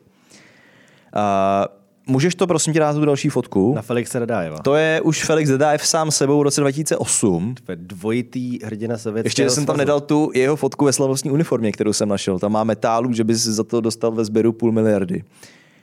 A, a teďka slova samotného Felixe Dadájeva. Cituji. Ve skutečnosti jsem byl stoprocentní kopií Sosa. To byla přez, Soso, to byla že přezdívka Stalina. Soso. Byli jsme si podobní výškou, hlasem i nosem. Jediné, co mě prozazovalo, byly mé uši. Mimochodem proměna nebyla příliš obtížná. Mé ucho bylo zahaleno do speciální protézy z gutaperči, což je taková Guma, no. primitivní guma, v odstínu kůže, díky níž se ušní kanálek zdál být hlubší. Přidávaly se různé úpravy, případné lepidlo se zakrylo make-upem a bylo to. Měl jsem Stalinovi uši. Fa- Fér, no. Stalinovi uši, jak máme Mozartovi koule, tak já bych dost- chtěl, aby někdo vytvořil desert Stalinovi uši. To dostal za každý, za každý ucho dostal metal. Tady má za levý a za pravý, jo. Tady, tady má za uši, ano. A naštěstí nedostal za uši, dostal za ně metal. Eh, Dadajevova mise byla tak tajná, že nesměl komunikovat ani s vlastní rodinou. Oni jako unesli, tak nafej- nafejkovali, že Dadajev zemřel. Mimo jiné musel taky přibrat 11 kilo a musel si nechat zežlutit zuby, protože Stalin už je měl žlutý pěkně. Protože mu bylo 60. Jasně. Každý ráno teda jeho pracovní den Felixe Dadájeva. Felix Dadájev, no nepřišel do práce, on v ní už jako spál. On v ní byl. On v ní byl. Tak prostě přišel do té místnosti, kde ho líčili, Nasadil si uši. tam ho nalepili uši, zakytovali to čtyřma kilama kdo ví čeho. Obalil se teda make-upem a odpoledne po šichtě to mohl schodit. A mohl být sám sebou, akorát nesměl vycházet ven. Hmm. Problém byl i v pohybu, protože Stalin byl o 40 let starší a měl samozřejmě už nějaký ty vady, kloubní a tak. Takže Dadájev tak z nahrávek musel okoukat ty pohybové vady a musel je pak replikovat sám na sobě. Což si umím představit, že asi nebylo jednoduchý. No a teďka, co dalšího dělali tyhle ty dvojníci? Uh, účastnili se například státních návštěv zahraničních delegací, pravděpodobně těch s horším zrakem, uh, natáčení pro pamětníky, čtení zpráv v rozhlase, uh, účastí například na přehlídkách na rodem náměstí, nebo když se slavilo vítězství ve Velké vlastenecké válce. A nebo mohli taky mávat devům z mauzolea. Takže pracovní náplň poměrně uh, různorodá. Pestré to měli. Tak. A po letech se tedy v tom roce 2008, když on teda začal mluvit, tak se ukázalo, že v mnoha knihách a mediálních vystoupeních, kde se myslelo, že to je Stalin, to byl reálně tady pan Dadájev, anebo i někdo jiný. A vůbec nejdůležitějším úkolem, který Dadájev za svoji kariéru dostal, byl jeden z těch vůbec prvních, a sice provedení odjezdu hlavy státu SSSR na teheránskou konferenci v roce 1943. Takže mi chci říct, že Otto Skorceny měl ve skutečnosti zavraždit Felixe Dadájeva? Jo. Ještě, že k tomu nedošlo. Vy jste tady nemohl číst jeho citace? Dadájev, ano, teď ho budu zase citovat. Jo, vidíš. Ještě, že to o to podělal. Eh, Vlastně o to tam vlastně nejel, ne? Nebo jak to bylo? Já už se nepamatuju. No, prej tam nejel. No. No, eh, cituji tedy pana Dadájeva, který měl velký štěstí. Přišli s nápadem, to by byl mimochodem pěkně blbý pracovní úraz. Přišli s nápadem na dva lety. Jeden, aby upoutal pozornost. Byl jsem to já, převlečený za Stalina, který se v daný čas objevil, nasedl do auta a s ochrankou v zádech odjel na letiště. To všechno proto, aby se Stalin objevil takzvaně na radaru zahraničních rozvědek. Konec citace. Uh, Samozřejmě se toho u- uh, setkání se už neúčastnil tedy Dadájev, ale Stalin. Stalin jenom potřeboval být bezpečí během toho tranzitu Jo, na jo. letiště. Tak, po smrti Stalina v roce 53, tedy jeden z mála smutných lidí asi musel být Dadájev, protože přišel o tuto zajímavou pracovní pozici. Nicméně dále se věnoval herecké profesi a celá věc byla státním tajemstvím až do roku 96, kdy byl prezidentem ten náš, jak jsme ji vzpomínali, Alkáč. veselý alkoholik, co Boris. měl tančit, Boris Jelcin, eh, kdy se začaly odhalovat první podobné případy. Eh, Nicméně Dadajev nikdy nepřiznal úplně vše. Některým detailům ohledně té práce se vyhýbal až, eh, no vlastně vždy. Vždy. Naposledy eh, v televizi k eh, této věci vystoupil v roce 2014. A je tam taková zajímavost, že i starší z dvojníků, muž, jehož jméno neznáme, ale přezdívalo se mu Rašít, takže taky typu, že to byla nějaká taková Taky obskurní republika. stánec. Ano, se dožil vysokého věku, konkrétně 93 let. Rašid se měl narodit v roce 1898 a zemřel v roce 91 Hmm. společně se Sovětským svazem. A uh, šokuje mě, že oba dva, teda jak soudruh Dadájev, tak soudruh Rašid, ačkoliv dělali tu snad nejhorší práci na světě, tak přežili svého pánička od tak dlouho. Co jo, no to... Ale tak jako furt můžeš být třeba, jako můžeš dělat Hitlera, to je jako nevděčnější. Musíš natrénovat ten třas, zase máš přístup k velkému množství pervitinu, Čok- což nevím, jestli je dobře nebo pan, špatně. Panzer šokolád. Tak, pojďme prosím tě k Henrymu Kissingerovi. Půjdeme k Henrymu Kissingerovi. Tady, Protože po mužích, kteří tady- se dožívali vysokého věku, máme muže, který se stále ještě dožívá ještě vyššího věku. 100. Teď je mu 100? Klobouk dolů. Gratulujem. Takže máme tady politika A asi je to vůbec- nejpolitikovatějšího. A je to vůbec on? teď, se, teď, si o tom, teď si o tom něco povíme. To jsem rád. Tohle to je méně zajímavá, ale víc rostomilá story. Asi tak bych to řekl. A Henry Kissinger totiž ty dvojníky používal vždycky, když něčeho potřeboval dosáhnout. On se nebál úplně o svůj život, ale spíš, když bylo potřeba, aby někde byl a zároveň se mohlo dělat, že tam nebyl. Jak už jsme zmínili, Henrymu Kissingerovi je to 100. Je to člověk, který se narodil jako Heinrich něco v Německu, že jo, v roce 23. A uh, je moje 100, ale jeho dvojníci už jsou možná dávno mrtví, to nevím. To jsem si teda nerešeršoval. Taky ne, no. Celá věc eh, s jeho dvojníkem se má týkat zejména legendární Kissingerovy cesty do Číny v roce 1971, kterou tady máme vyobrazenou. A legendární je zejména proto, že teda vedla k opětovnému navázání, navázání diplomatických vztahů mezi Spojenými státy a Čínou. Jak víme, od roku 1949 v Číně eh, systém, který není tak úplně demokratický. A Spojené státy prostě potřebovaly v těch 60. 70. letech toužili potom navázat alespoň nějaký vztahy, protože když si své nepřítele budeš držet blíž, tak máš šanci něco ovlivnit, řekněme. Tady máme tedy fotku s Chou Enlaiem, tehdejším lídrem uh, komunistické Číny. A přehoď mi tam prosím tu fotku, která je potom. Tady je úplně krásný důkaz Kissingerovy nesmrtelnosti, protože tohle je fotka Se eh, Xi z letošního roku se Xi Jinpingem, kde Kissinger dorazil do Číny znova. A zajímavý a všeřící- všeříkající je vlastně, jakýho přijetí se letos Kissinger v Číně dočkal. Protože eh, co by starý přítel, on ho tam tak, myslím, i si tím nějak označil, že to je jako přítel Číny a ten respekt pro Kissingera je v podstatě univerzální na celém světě. Můj názor. Nemám to ozdrojovaný, ale myslím si to. Tak, a teďka zpátky do roku 71, respektive do akce, kterou potřebovali upéct. Jak už se nastínil, tehdy diplomatické vztahy mezi Amerikou a Čínou neexistovaly a dokonce ani nebylo tak nějak moc skrze koho je navázat. Kissinger od prezidenta Nixona v roce 69 prakticky hned po svém nástupu do funkce dostal pověření, aby navázal komunikaci s Číňany a těch 20 let předtím bylo v podstatě otevřený nepřátelství. Hmm. No dneska se to tomu blíží jako pomalu skoro zas. Proto tam asi jel, si myslím. Ale Donald Trump sliboval, že to vyřeší. Tak tam nechá Kissingera v roli ministra zahraničí, jo? nebo jak to? Man, Nevím. Pošle tam Mikey Pence. Kissinger dokázal najít prostředníka v Pákistáncích, protože s Pákistánci měla poměrně dobré vztahy jak Amerika, tak Čína. Poměrně dobré znamená neotevřené nepřátelství. Po navázání kontaktu s Pákistánci se rozhodlo, že cesta do Číny teda proběhne. Kissinger sestavil čtyřčlenný tým, který ještě doprovázeli dva agenti tajných služeb. Oficiální cesta, jejíž itinerář Amerika vypustila do světa, vůbec nemluvila o Číně. Kissinger se měl vydat na cestu Ázií, měl jít konkrétně nejprve do Větnamu, pak do Tajska, pak do Indie a nakonec to měl završit v Pákistánu. Potom se měl přes Evropu vrátit zpátky do Ameriky. Jenže ve skutečnosti se po zastávce v Pákistánu Kissinger vydal přímo od tamtu do Číny. Svět o tom nevěděl.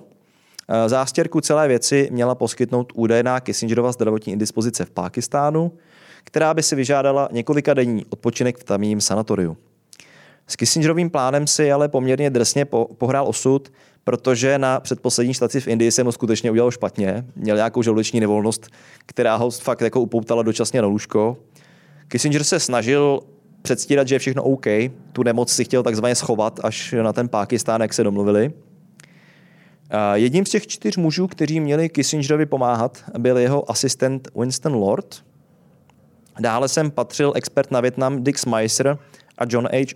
Aldrich, což byl expert na Čínu a Ázii obecně. Celá ta americká výprava samozřejmě byla mnohem větší, zahrnovala hned tři skupiny osob. Dohromady to bylo několik desítek lidí. Kromě těchto čtyř vyvolených, kteří tvořili tu úplně nejtajnější skupinu, tu byla pak skupina těch, kteří jim pomáhali vytvořit to krytí, tu zástěrku, ale nebyli sami zasvěceni do všech detailů operaci a sami se neúčastnili té cesty do Číny. No a pak ta skupina největší, ti lidé, kteří netušili vůbec nic a letěli s nimi v tom letadle.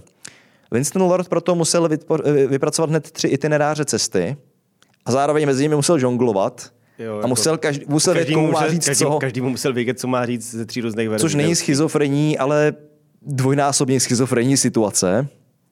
Podle mě na to jsou nejlepší ženy, že umějí multitaskovat, že jo? Winston Lord je možná Lord žena. žena. Nebo je to ženský Mike Pence. Každopádně musel si pamatovat, co smí komu ukázat, komu ne. Evidentně nic z toho nepodělal, protože celá operace prozadím se povedla. Své tři kolegy musel pravidelně updateovat, když přišla nějaká nedalá komplikace, stejně jako tu druhou skupinu pomocníků, ale ti ostatní nesměli vědět vůbec nic. Teď budu citovat vzpomínky Winstona Lorda z toho, jak to probíhalo. Veřejně jsme oznámili, že se vydáváme do Pakistánu. První večer se konal raut pro veřejnost. Vrátili jsme se do vládního penzionu. Zbalili jsme se a asi ve tři ráno nás odvezl na letiště v Islamabadu, tuším, že pakistánský minister zahraničí Sultán Khan. Zdá se, že se tu všichni jmenují Khan. Šli jsme k letadlu prezidenta Jahia Khána. Zřejmě tam byl jeden reporter z nějaké tiskové služby, který si myslel, že nás zahlédl a šel to nahlásit svému redaktorovi. Šéf-redaktor řekl, že ten reporter je blázen a zprávu vypustil. No docela klika. Toho rána se objevila zpráva, že Kissinger se necítí dobře a na pozvání Pákistánců odjíždí na jeden den na horskou stanici, v závorce horské středisko, to zdravotnické, aby se zotavil. V autě seděl schoulený agent tajné služby. Neměla to být přesná kopie Kissingera, ale sehrál Kissingera celou cestou na horskou stanici a myslím, že s ním byl i Hal Saunders. Takže tam jela kolona nahoru na horskou stanici. To vše se odehrálo poměrně brzy ráno, takže v okolí nebyli žádní novináři. Bylo potřeba zařídit, aby Kissingera na horské stanici skutečně ošetřil pákistánský lékař. Nedává mi to moc smysl, ale jak jsem tu historku slyšel, Pákistánci se zeptali jednoho svého lékaře. Víte, jak vypadá Henry Kissinger? On odpověděl ano. Oni mu na to řekli, je nám líto, ale v tom případě nejste ten správný člověk. tak sehnali jiného doktora. to je hezký. Takže oni v podstatě i Pákistánci, kteří v tom taky jeli, ta jejich strana, zajistili, že doktor taky nepoznal, kdo je Kdo to je? Kissinger, takže mu tam ležel nějaký úplně jiný člověk. Nějaký pán tam byl. Řekli, tady pana Kissingera ošetřujte, tak ošetřoval pana Kissingera. Nevadí, že vypadal úplně jinak. A tady dál pak Lord vzpomíná, že kromě toho několik pakistánských ministrů, kteří se na té šarádě podíleli, se taky vydalo na tu horskou stanici, protože předstírali, že tam eh, Kissinger s nimi má program, nějaký zkusky a tak. A mezi tím samozřejmě reálný Kissinger a ty další tři byli v Číně.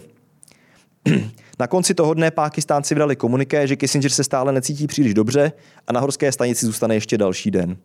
To znamenalo, ten lord vzpomíná, že celý náš veřejný program v Islámábádu musel být posunut, protože další den jsme měli z Pákistánu odletět do Paříže. Zbytek programu se tedy musel neposunout. Nevím, kolik lidí, kromě Hela Saunderse, o tom vědělo, ale on a velvyslanec Farland byli v tomto ohledu klíčovými muži. Odletěli jsme z Číny.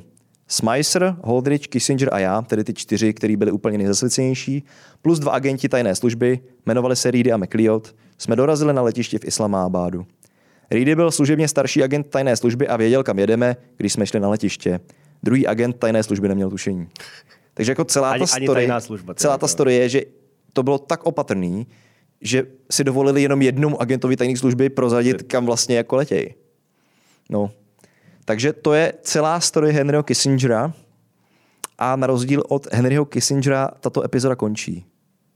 Pokud ještě nemáš něco dalšího. Tak to teda ani zdaleka nekončí, kamaráde. Tak je jako Henry Kissinger tato Jako epizoda Henry a zdaleka Kissinger. nekončí. Už, je už trvá skoro 100 let, ale zdaleka ještě nekončí. Že teď jsou zde, To se ti omlouvám, já jsem zapomněl na naše kamarády z Arábie. teď jsou zde naši arabští přátelé, kde vidíme Muamara Kadáfího a Sadáma Husajna. O obou už byla zmínka v předchozí epizodě a konečně na ně došla řeč. A v životech obou měli sehrát jistou roli kdo jiný než dvojníci. Eh, Takže používání dvojníků je jedna z věcí, která pojí jejich osudy, krom teda toho, že to byli islámští diktátoři. A u obou se spekuluje o tom, že ve skutečnosti nezemřeli a zemřel místo nich dvojník. Začnu s dovolením uh, Muammarem Kadáfím, protože tam je to takový přímočařejší. Uh, Muammar Kadáfi oficiálně byl zavražděn povstalci uh, poblíž svého rodného města Sirta v roce 2020, 2011, kde ho měli nejprve po náletu najít, jak se schovává v nějaké odtokové rouře. S nějakýma pár bojovníkama. Pak ho měli postřelit, pak ho měli různě linčovat, že ho vláčeli za autem, kopali do něj a pak nějak, A měli ho znásilnit nožem teda. to taky je, pak jim prostě, pak prostě nějak pomřel. A ten důkaz toho, že to nebyl skutečný Kadáfi, ale mělo se jednat o dvojníka, je jako ho- hodně bizarní. Důkazem totiž má být to, že celou dobu teda samozřejmě šlo o plán CIA. Ty jak jinak. A CIA jako správní eh, západáčtí zákeřníci občas dělají to, že se prostě při svých tajných misích vysmívají veřejnosti tím, že pouští jako ně, že pouští něco, jako co by mělo být přiznání. Mhm. Kromě CIA tady hraje další jako podivné společenství svou roli a to je Hollywood. Protože k přiznání toho, že Muammar Kadáfi žije a byl zavražděn dvojník, mělo dojít v show Conana O'Briena. V show Conana O'Briena totiž byl fejkově zavražděn herec, který se jmenuje Anthony Pena, který jim tam několikrát hrál Muammara Kadáfího ve sketchích. A skutečně je to člověk, který byl Kadáfímu, tady, teda abych uvedl na první, toto je mladý Kadáfí vlevo a toto je Anthony Pena. Nemohli by si být podobnější. Vypadají poměrně nějak jako rámcové podobě. Jako myslíš, že jsou tmaví oba. Oba jsou takový jako tmaví a tak. Mělo tam dojít tedy k atentátu na Anthonyho Penu, kterému pak, eh, který pak vstal z mrtvých a Conan O'Brien mu řekl, tak Anthony, máme tady zprávu, že byl zavražděn skutečný Kadáfi, tak vám přijeme hodně štěstí ve vašem dalším životě jako dvojníka Muammara Kadáfího. Což je tedy podle konspiračních teoretiků tato zábavová scénka z noč, jedné z populárních nočních zábavných show je přiznáním toho, k čemu mělo dojít. Kadáfi totiž přesně podle tohoto modelu žije dál, žije jako agent CIA, kterým byl celou dobu. A pořád navštěvuje show Conana O'Briena? Už ne. Hmm. bo, zakázali mu hrát, to je jako to horší. No. zakázali mu hrát a vydávat se za amerického herce Anthonyho Penu.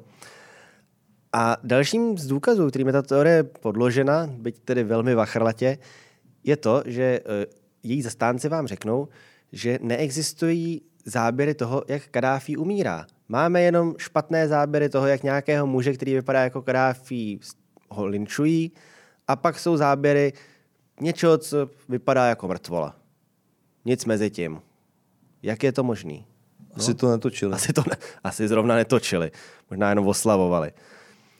Zároveň se říká, že ti vzbouřenci, kteří ho měli zavraždit, tak ani nebyli žádní vzbouřenci, že to byli najatí Libijci CIA, kteří měli prostě přesně jenom sehrát s nějakým dvojníkem jako scénku na to, že mu ubližují a pak tedy jako vítězoslavně ukáží člověka, který tam leží a má oči v sloup. A říkám, to je on. To je on, je mrtvý, je to tady.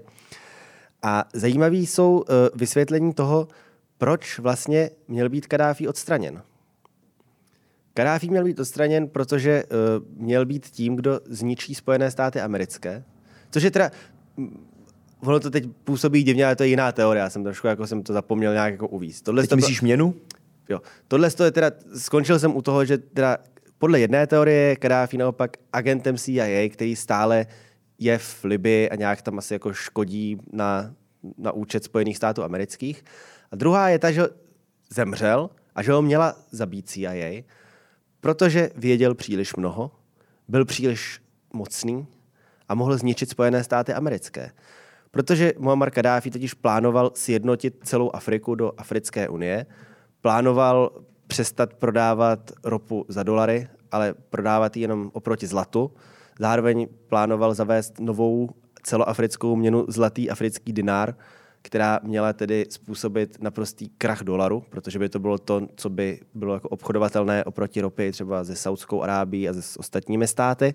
Zároveň měl chtít eh, Afriku definitivně odstřihnout od evropského a amerického koloniálního jha, plus uh, taky měl bránit africkým státům, aby navazovali diplomatické vztahy s Izraelem, kde, jak už jsme si řekli, ten je samozřejmě středobodem všeho zla a tím, kdo ovládá Ameriku. A když jsem si pročítal tady tyto jednotlivé konspirační teorie a důvody, proč tedy Karáfi byl zabit Američany, tak je zajímavý, že šíří jenom dvě sorty lidí. Islamisti a rusáci. Tak. Pěkný.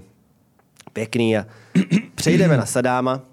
Pro mě já ještě uh, povídej, zmíním, povídej, měnu. jako Karáfi je fascinující člověk z mnoha důvodů. Třeba jeho, podle mě by Ameriku mohl zlikvidovat jeho jako módní vkus třeba. A jedna taková věc, která mě úplně totálně odbourala, když jsem zjistil, On tam měl takový ten svůj vlastní socialismus. On vydal tu zelenou knihu, měl vlastní doktrínu, jako má Kim Chong, má to čučche, že jo? No. Tak on měl nějaký ten svůj, už nevím, jak se to jmenuje. Ale e, vlajka Libie například to odrážela, protože Libie za jeho diktatury měla čistě zelenou vlajku uh, pro časy. A on měl ohromný příjmy z ropy. A ty příjmy tak jako socialisticky rozhazoval, ale dělal za ně někdy i dobrý věci. Řekněme, doslova jeden kanál na prachy vytvořil a to byl vodní kanál, v angličtině Great Man-Made River, neboli takový saharský vodovod, kdy on uložil pod zem obrovský potrubí, kterým převáděl z toho libijského vnitrozemí do měst vodu, pitnou vodu. Jako a má to asi tři tisíce kilometrů na dílku celá ta věc. Jako je, je, fakt, že on byl magor, ale třeba na rozdíl od Nikolaje Čaučesku, tak uh, nejenom, že si postavil palác za tříletý rozpočet. Ale něco dal těm lidem. A zároveň i těm lidem něco dal, nenechal je tam jenom jako tak já jako nechci jako, bídě, no. Já nechci říkat, že byl jako chaotic neutral, to asi ne, ale nebyl úplně chaotic evil, byl tak jako Nebo, jenom chaotic. On, jako evil asi byl taky on těch lidí jako docela dost povraždil. Tak okrbí, že jo, a dost, další, dost, jasně. Dost, dost, lidí jako nejenom v Libii povraždil a je brutálně asi, kontroverzní, asi samozřejmě. Asi se po něm někomu úplně nestejská. Ale mě fascinuje tenhle projekt, kde on najel nějaký francouzský no. inženýry a postavil vlastně obrovský metro na vodu uprostřed pouště. Hmm. Že to všechno to jsou obrovské trubky pod zemí, že jo? To je no, strašně nákladný. No. Jako. Plus dodejme, že i kdyby teda podle této konspirační teorie přežil, tak by mu mělo být přes 80 let, takže jako je dost možný, že už stejně neagentuje. On měl nějaký ty uh, bodyguardky, ne? Ty ženský. Jo, měl ty ženský, nějaký ty gardy. Můžu se dáma? Pojď. Jdu. Tak. podobně jako Mike Pence je tady několikrát. Není Saddam taky Mike Pence? Je to, je to dost možný. Eh, co se Husajna týče, tak eh, Saddam Hussein byl rovněž známý tím, že používal dvojníky. Zároveň byl taky známý tím, že byl už během té války v zálivu byl extrémně paranoidní a bál se o svůj život, což se projevovalo například tak, že údajně nebyly dvě noci po sobě, kdyby přespával na stejném místě a že to ale probíhalo jako vyloženě tak, že prostě, že večer k náhodným lidem k ním domů prostě zatlukala tady z, uh, irácká garda, namířila na nich samopale, řekli, teď zde připravíte lůžko pro mimořádného hosta. A pak jim tam přivedli... Mimořádný hosta. Pak jim tam přivedli mimořádný hosta, který si tam dal šlofíka a jel zase o dům dál. A na veřejnosti nasazoval ty dvodníky hlavně e, kvůli teda obavám o vlastní život, ale i proto, aby se reálně nevědělo, kde je a nemohl být zlikvidován. Dokonce se stávalo, že byly dny, kdy vystoupil na takových odlehlých koncích Iráku, že jako není úplně realistický, hmm. že by to jako, že, že to je možný jako v jedné osobě, že to museli být prostě dva. A jak se to poznalo? Dokonce Irác, Iráčani vzpomínají na tuhle dobu, že uh, jak v té zemi nebylo úplně moc zábavy, tak se museli hledat takové jako její alternativní zdroje. Jedním z nich bylo rozpoznávat v televizním vysílání, jestli se koukají na pravého Sadáma nebo na některého z dvojníků. A tedy krom taky toho, že měli drobně odlišné rysy, což ani plastická chirurgie nedokázala napravit, tak tam bylo stejně jako u toho Putina, tak i on měl jako jednoho jako žoviálního dvojníka, který chodil mezi lidi, což normální Sadám moc nedělal. Bylo to prý poznat podle chování bodyguardů, kteří skutečného Sadáma doopravdy jako těsně obklopovali, byli neustále ve střehu, byli připraveni ho bránit vlastním tělem, což dokonce jeden z nich takto zemřel, protože Eh, když se po Sadámově autě v nějakém 87. myslím, na něm po něm někdo střílel, tak ten bodyguard se vrhnul před to, zachránil Sadámovi život, sám, sám zemřel a Sadám nechal vypátrat, kdo nechal zabít tady toho jeho zaměstnance, což byl jako nějaký jako fakt hodně vysoký ten bodyguard a nechal povraždit asi 500 lidí v té vesnici, odkud byl tenhle ten člověk čistě jenom pro výstrahu. Slušný. Pak teda eh, kromě chování bodyguardů mělo být eh, určujícím kritériem taky to, že Saddam Hussein, jak můžeme ostatně vidět tady, toto má být ten reálný Saddam Hussein nahoře. Tak prý byl posedlý tím, že se považoval za krásného člověka a trval na tom, že má být zabírán v detailu své tváře. Ale když byly záběry více vzdálené, tak to bylo právě tím, že je tam dvojník, protože v tom detailu by to lidi už mohli poznat. Jasně. Dvojníky dokonce měli i jeho synové Udaj a Kusaj. Tady promiň, tady musím. Já vím, co musíš. A dej Já to, tady protože je to dám dobrý, nejkrásnější to český vtip všech dob. Nevím, kdo to udělal, ale navrhl bych ho na Nobelovku. Když byla ta invaze do Iráku, tak samozřejmě možná víte, že, no samozřejmě možná víte, to je krásná věta, že jo, taková mrtvička. Samozřejmě možná. Uh, tehdy ten jejich úkryt rozstřelila nějaká raketa. On tam byl se svým synem Udajem a Kusajem. Teda oni byli bez, bez, bez státy tam, někdy v tom ukrytu. To v tom prezidentském paláci, někde ano. v Bagdádu. A byla no. ta, ten vtip zní, O osudu údaje a kusaje máme jen kusé údaje. Konkrétně kusy údaje a údy kusaje. Skvělý. Prostě boží. Zvukomalebný úplně tady tohleto.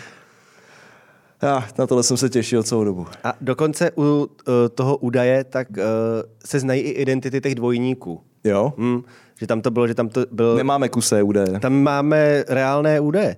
A nevím, jestli teda... Jo, tady. Tady máme na, nalevo údaje Husajna a napravo jeho dvojníka Latifa Jahja. Ten je mu podobný akorát tím, že je tmavý a má velký obočí a, a kníra. Takže Latif Jahja. Tím, že uh, dostanu se k tomu, o čem jsem tady jako uh, mluvil původně, že Saddam Hussein není mrtvý. Protože místo něj měl být dopaden a popraven dvojník. Jeden z nich. Pozná se to podle toho, že napravo máme fotky původního OG Sadáma, mm-hmm. když to tady je tento muž, který byl dopaden a pot, byl pak souzen. Mm-hmm. A zatímco původní Sadám má předkus, to znamená, že má horní zuby před spodními zuby, tak tento člověk má poměrně výrazný podkus. Mm. Což má být jeden z důkazů toho, že to není skutečný Saddam Hussein.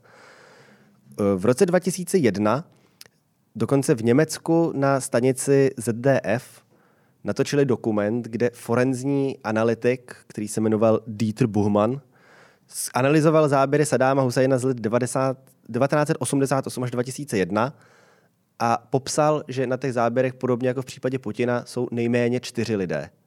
Přičemž jeden z nich se předpokládá, že je skutečný Saddam Hussein a ti ostatní měli být jeho dvojníci, kteří taky uh, tu měli oči dál od sebe, jiný tvar, zdvižení nosu, rozestup nozder, uši a podobně, krk. A proč byl tady dopaden dvojník s podkusem? Protože Sadáma Husajna evakuovali těsně před dopadením tady tohoto chudáka američané. Jak jinak? CIA. A přesunuli ho do stejného bytu s Karáfím. ne, ne, ne. A víš, proč ho dopadli? Teda víš, víš, proč mu pomohli, navzdory tomu, že to byl jejich nepřítel? Předpokládám, že to má nějakou souvislost s Mikem Pencem.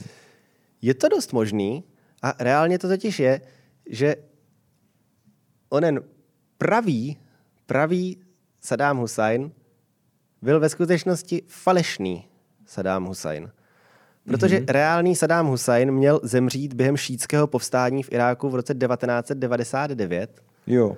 A američané měli jednoho z jeho dvojníků instalovat jako skutečného vládce Iráku. Takže takzvaně na Putina. Na Putina. Měl to přesně, je to úplně, vlastně jako, to úplně stejné jako s tím Putinem. Měl být dvojník instalován místo mrtvého a měl jít Američanům na ruku. A samozřejmě, že to byly 4D šachy, takže všechno to nepřátelství, asi tři války a miliony životů. Byla taková sranda. Byla jenom taková sranda, aby prostě američani to tam mohli jako nakonec dosáhnout toho, co chtěli a vlastně odvděčili se tady svému dlouholetému agentovi tím, že ho zachránili a nechali místo něj zemřít tady tohoto chmurného dědu.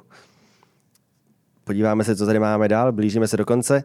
Máme tady ještě pár spíš takových drobných zajímavostí. Tady máme třeba uh, přesně to, že americký bulvár Sun po popravě Mezi... přišel s tím, že tý... Saddam je naživu.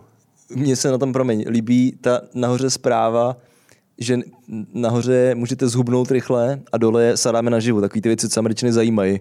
Krev a tloušťka. A dole, jídlo. dole je mimořádná nová proroctví co to sakra je. A nahoře pod tím je God Bless America. To je fakt jako typicky americká věc. Tohle, tohle je fakt strašně jako skvělý, no. Jo, a uh, tak tady, a ten děda, který byl popraven místo Sadáma Husajna, se jmenuje Ahmed Al-Zamín. Škoda, to nebyl třeba Al-Zeman. Chudák. tak. Pak tady máme Sadáma, který nám podává bowlingové boty. Což je asi nejslavní, je to ve skutečnosti nejslavnější dvojník Sadáma Husajna. Tady bych si typ, že tohle Sadáma vidělo nejvíc lidí vůbec. Tohle, tohle je Sadám, kterého když jste viděli, tak jste měli aspoň jistotu, že víte, kdo to je.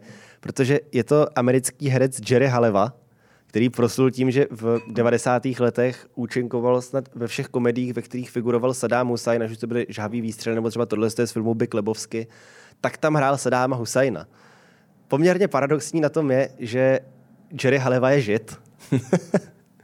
a dokonce uh, o sobě říká, že největší podstou bylo, když mu někdo řekl, že vypadá víc jako Saddam Hussein než Saddam Hussein. a byly třeba přesně jako v rámci té konspirační teorie, že Amerika je vlastně tajný sponzor instalovaného dvojníka Sadáma Husajna a že vlastně jsou spojenci a ne žádní nepřátelé, tak měla být fotografie, na který si v oválné pracovně George Bush třese rukou se Sadámem Husajnem. Byl to Jerry Haleva. Jasně. Byl to Jerry Haleva. A pak tady máme ještě, uzavřu pasáž dvojníku Sadáma Husajna tímto člověkem, který vzal... Poč- počkej, to je dvojník. Trošku, jako je to, je to už takový jako přitažený za vlasy, ale je to dvojník Sadáma Husajna, který vzal roli do nejmenšího detailu protože jedná se o muže, který se jmenuje Ali Irsan, původem z Libanonu, následně v Texasu, který se rozhodl svou životní roli Sadáma Husajna vzít až do hořkého konce a byl odsouzen k smrti a popraven. Za to, že byl špatný dvojník Sadáma Husajna, předpokládám. Za to, že zavraždil svoji dceru a pět dalších lidí, protože jí podle něj svedli k tomu, že konvertovala od islámu ke křesťanství. To je taky skoro jako u Sadáma Husajna. Je to, důvody měli podobně. Říkám, jako bral to... Jo, to- to- to vzal- ten prostě podobně jako Dudajev, tak tenhle ten člověk si prostě jako řekl, že to musí dělat pořádně. Formu nebyl schopen úplně napodobit, ale obsah určitě jo.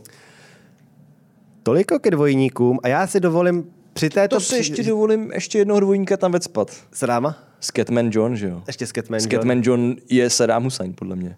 Je To možný. A ještě teda jedna popkulturní vložka, eh, když našli toho Sadáma, možná víte, kde ho našli. Jo, On se schovával takový- v takovém tom strašně malém, to byla krakev, A je tam takový ten geniální nákres. s tím větráčkem. Jo, jo, jo. To to je prostě jenom asi dva metry pod zemí a tam mohl opravdu jenom ležet, nemohl nic dělat a měl tam jenom větráček. Tak takový ten točivý prostě nějaký Aby, čínský aby, šmejt, aby, tam prostě proudil vzduch. aby úplně neumřel. A Prey trávil své poslední dny tak, že poslouchal nahrávky Mary J. Blige, což je, myslím, to vyslovuju sou, správně, sou, soulová zpěvačka. a přejídal se mafinama. Fér, no. A pak ho teda oběsili, no. Ale přitom to byl Alzeman. Alzeman. Promiň, co, co jsi tam V měl? pohodě. Já tady mám už jenom, protože si myslím, že bychom to měli jako uzavřít na nejbizarnější notu, co jsme tady zatím měli. Tak to jsem zvědavý, protože já jsem mluvil o pěkných hovedinách. Už to nejsou dvojníci, ale mám tady asi nejlepší konspiraci, která se týká Sadáma Husajna. A to je ta, že invaze do Iráku ve skutečnosti nebyla podniknutá, protože tam byla ropa. Ani proto, že Saddam Hussein tam měl poměrně dost nakradeného zlata. Ani proto, že Spojené státy tvrdili, že musí zabránit použití zbraní hromadného ničení. Ale proto, že Spojené státy museli zabránit Saddámu Husajnovi v tom, aby spustil hvězdnou bránu a stál se pánem vesmíru. Pokračuj, zaujal Venku jsme. se buď nabouralo auto, nebo je bouřka. A přejdeme zpátky k tomuto. Zde vidíme Zikurat Ur, který je pozůstatkem, eh, teď abych to nepoplet, to není to babylonská kultura, ale nějaká jiná, je to kultura sumerská. Mhm.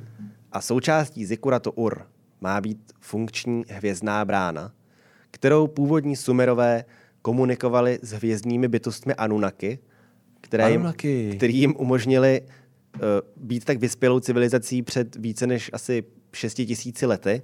Mhm. Dali jim technologie. Dali jim technologie. O tomhle musíme udělat taky jeden krátký 20-minutový díl Mhm. na sedm dílů. Tam můžeme se pak vrátit k tomuhle z tomu. A Saddam Hussein měl tušit, že se tam něco děje a dokonce se mu podařilo, že našel tu hvězdnou bránu a už byl krůčky od toho, aby ji spustil a stal se pánem vesmíru, mohl komunikovat s Anunnaki a měl teorie na zni- te, te, te, teorie, technologie na zničení Ameriky a, celého, a podmanění si celého světa. A proto američané museli vyrazit invazi do Iráku a zavraždit Saddáma Husajna. A chudák Saddam tam v posledních chvílích svého života hrozně hystericky se snažil odemknout tu bránu. Ty tam jsi prostě u, Proskočit. Star, u Stargateu. Už tam vidíš toho tyjelka. Možná to byl Barack Obama nebo Barry Soetoro. Barry Soetoro. To byl Barry Soetoro, který se vracel přes tu hvězdnou bránu z té svojí základny na Marsu, kde vyrůstal. se tam byl podívat po letech na kamarády. No, tak co, kluci, jak se máte? Kdo je ten knírač na druhé straně? Ten opravnej tamhle, ten sem nepatří, ne? Je tady bouřka, možná Bouřka. si pro nás jdou taky. Možná se nedostaneme domů, budeme pro vás muset natočit další tu epizodu. Hillary Clintonovou, teď se chystáme. Jo, tak teď, teď vám předložíme informace, které povedou K zatčení Hillary Clintonové. Abych tím tu epizodu stříh. A tímto vám děkujeme, že jste to doposlouchali. Budeme se těšit na další epizodu, kde budeme pokračovat ve dvojnickém tématu. Tentokrát se zaměříme na celebrity. Je to tak? Bude to výživné. Na viděnou, naslyšenou A na konspirovanou. a na konspirovanou to byl Marek Korejs. A A já jsem byl Honza Honza Palička. Palička. a spolu jsme Akta I.